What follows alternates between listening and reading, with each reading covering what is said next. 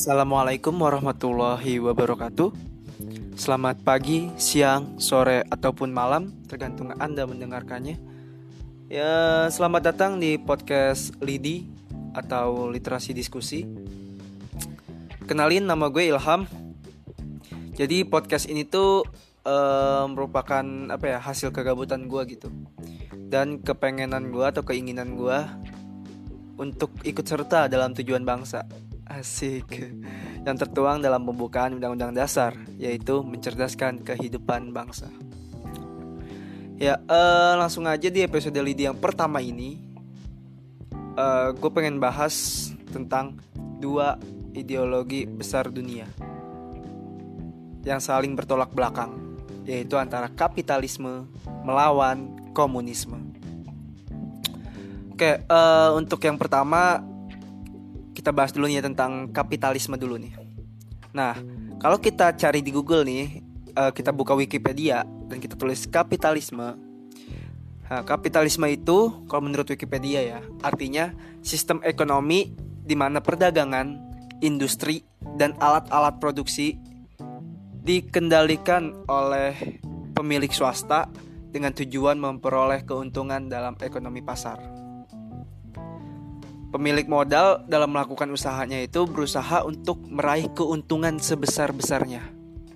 Dengan prinsip tersebut, pemerintah tidak dapat melakukan intervensi pasar guna memperoleh keuntungan bersama. Tetapi intervensi pemerintah dilakukan secara besar-besaran untuk kepentingan-kepentingan pribadi. Nah, tapi tuh e, definisi dari kapitalisme ini tuh gak punya definisi yang universal yang bisa diterima sama semuanya soalnya banyak ahli-ahli juga yang berpendapat gitu tentang apa sih kapitalisme itu nah uh, contohnya nih ya yaitu dari si Adam Smith jadi Adam Smith ini itu seorang filsuf atau filosof dan ahli ekonomi Skotlandia yang juga berperan sebagai pencetus dari apa itu kapitalisme.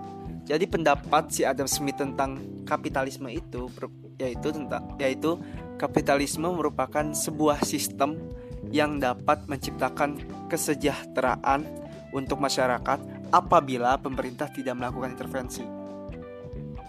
Nah, intervensi yang dimaksud di sini itu yaitu campur tangan gitu terhadap mekanisme dan kebijakan-kebijakan pasar. Jadi jelas ya bahwa Adam Smith ini ya mendukung karena dia menciptakan kapitalisme namun dengan catatan tadi yang dibilang bahwa pemerintah tidak melakukan intervensi berlebihan. Jadi menurut Adam Smith itu ya biar biarin saja sih pemilik modal buat ngatur-ngatur itu. Nah, tapi berbanding terbalik menurut Karl Marx nih. Nah, Karl Marx ini siapa? Karl Marx ini yaitu filosof dari Jerman yang juga pencetus dari komunisme. Nah, si Karl Marx ini e, berpendapat kalau kapitalisme itu merupakan sebuah sistem yang mana harga barang dan juga kebijakan pasar ditentukan oleh pemilik modal. Jadi, kalau menurut si Karl Marx, bisa diartikan bahwa pemilik modal yang memiliki andil besar untuk menentukan keuntungan yang ingin mereka dapatkan. Jadi jelas ya si Karl Marx ini sangat menentang konsep kapitalis karena menurut ia kapitalisme hanya melahirkan kesewenangan dari sang pemilik modal karena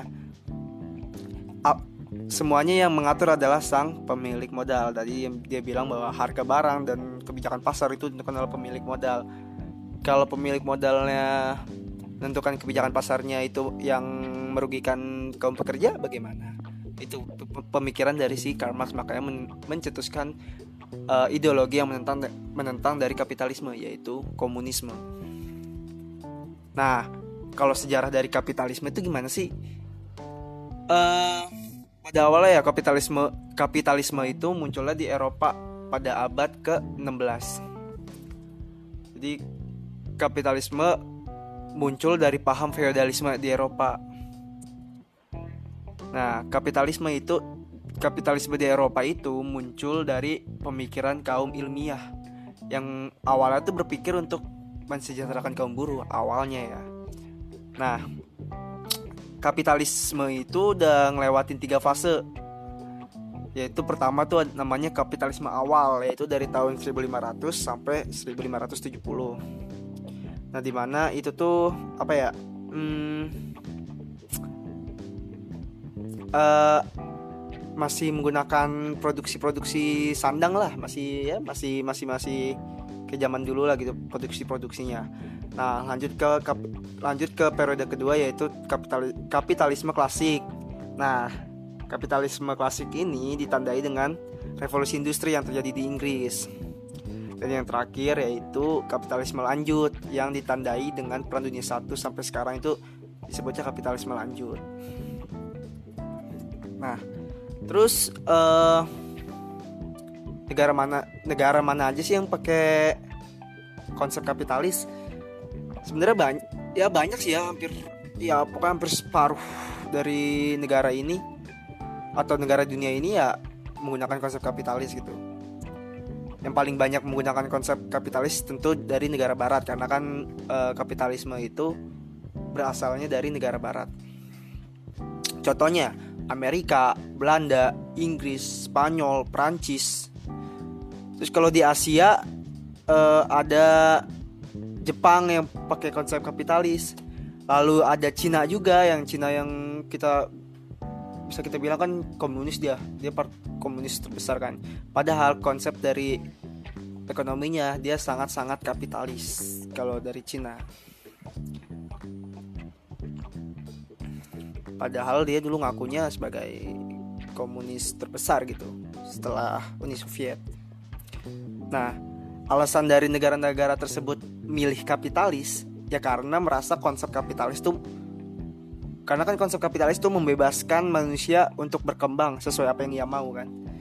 Ya kalau memang ia mau ya dia berusaha lalu dia pengen jadi ini berusaha gitu kan. Jadi ada kebebasan dari kebebasan untuk seorang menentukan apa yang ia mau gitu nah sekarang kita bahas lawan dari kapitalis yaitu komunis Nah, kalau kita cari Wikipedia ya, kalau kita cari di Wikipedia, apa itu komunis? Nah, komunis itu berarti ideologi yang berkenaan dengan filosofi, politik, sosial, dan ekonomi yang tujuan utamanya terciptanya masyarakat komunis dengan aturan sosial ekonomi berdasarkan kepemilikan bersama ya berdasarkan kepemilikan bersama alat produksi dan tidak adanya kelas sosial uang dan negara Nah, jelaskan di sini perbedaan antara kapitalis yang di mana mengagung-agungkan sang pemilik modal dan alat produksi itu dimiliki sama swasta sangat berbeda dengan komunis yang bertujuan untuk masyarakat tanpa kelas sosial dan kepemilikan bersama alat produksi. E, pada mulanya tuh komunis itu dicetusin sama tadi yang gue bilang tadi ya Karl Marx. Nah, pendapat Karl Marx Karl Marx tuh beranggapan bahwa ketidaksetaraan dan penderitaan diakibatkan oleh kapitalisme. Jadi komunis itu sebagai paham anti kapitalisme menggunakan sistem partai komunis sebagai alat pengambilan atau pengambil alihan kekuasaan dan sangat menentang kepemilikan akumulasi modal pada individu. Jadi kalau komunis itu sangat-sangat menentang individu memiliki alat produksi sendiri gitu. Atau individu yang kita sebut di sini adalah kaum pemodal ya. Jadi ya harus dimiliki oleh partai komunis. Jadi partai komunis yang bersangkutan memiliki seluruh dari alat produksi yang ada di wilayah tersebut. Nah tujuan paham komunisme adalah alat-alat produksi harus dikuasai oleh negara guna kemakmuran rakyat secara merata. Jadi intinya ada intinya adalah ya secara merata gitu dengan kata lain paham komunis itu ngehapus hak-hak persorangan yang terdapat dalam paham liberalis. Liberalis ini ya kita sebut kapitalis ya. Nah, kalau di Indonesia tuh e, pernah punya juga kan partai komunis. Dia bahkan disebutnya partai komunis terbesar ketiga di dunia setelah partai komunis Uni Soviet dan partai komunis Cina yaitu PKI atau Partai Komunis Indonesia. Tabu sejak tahun 65 itu udah dilarang karena kita tahu sendiri lah nah nah satu fakta menarik juga nih tentang komunis.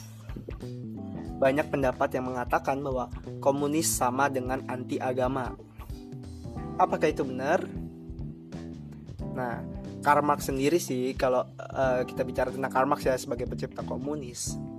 Karl Marx sebagai bapak komunis itu pernah berkata gini, agama adalah desahan makhluk yang tertindas, hati dari dunia yang tidak berperasaan, dan jiwa yang tidak berjiwa.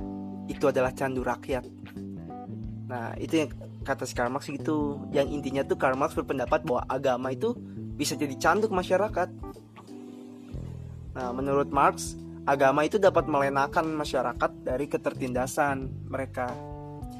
Dengan ber, berpegang sama agama, manusia tuh lebih mudah untuk menerima kondisi mereka yang tertindas dan akan sulit untuk mencapai kesadaran kelas di mana ada ketertindasan kelas proletar atau borjuis. Jadi menurut Karl Marx ya agama itu bisa bikin kita ya udahlah nggak apa-apalah ya udahlah nggak apa-apalah tuh nah sedangkan nih cita-cita Marx itu untuk menciptakan masyarakat tanpa, tanpa kelas kan tadi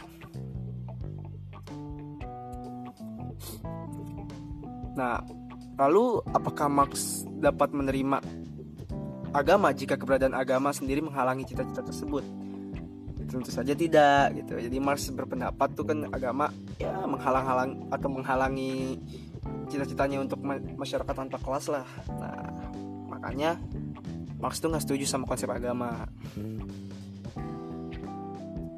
Nah kalau gitu Marx anti agama dong. Iya Marx itu anti agama bisa dibilang Marx itu anti agama nah kalau Marx anti agama berarti orang komunis juga anti agama dong. Nah, jadi gini, pada awalnya nih dengan pemikiran Marx yang anti agama bisa dibilang orang yang menganut komunis tuh ya bisa dibilang anti agama juga. Nah, tapi dengan perkembangan zaman dan perkembangan pemikiran dan pandangan, kesadaran bahwa yang harus dilawan dari komunis itu bukan agama, melainkan para kaum pemodal dan borjuis yang sewenang-wenang terhadap kaum pekerja. Maka komunis tuh ya mulai mulai open gitu, mulai merapatkan diri dari segala agama. Yang paling dekat dengan agama komunis itu yaitu Kristen kan. Ya mulai membuka diri gitu. Termasuk di Indonesia pun tokoh-tokoh partai komunis waktu itu ya banyak yang beragama kita sebut saja Tan Malaka yang beragama Islam dan Aidit di, di Nusantara Aidit juga beragama Islam. Ya karena sudah ya sudah membuka diri gitu terhadap agama. Nah uh, jadi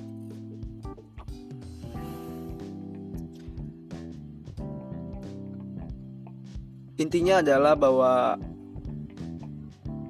walaupun Marx sendiri itu anti terhadap agama, namun dalam perkembangannya gerakan Marxis atau komunis ini ingin merangkul kaum beragama untuk bersama-sama berjuang merebut alat alat produksi dan menciptakan masyarakat tanpa kelas. Kayak uh, segitu aja podcast kali ini yang kita bicara tentang uh, apa kapitalis dan komunis.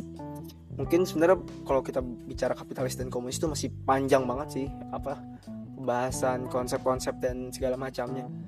Cuma ya kita dikit-dikit aja gitu yang umum-umum aja. Ya siapa tahu berguna kan? Ada yang gabut-gabut buka. Oke okay, thank you. See you di next episode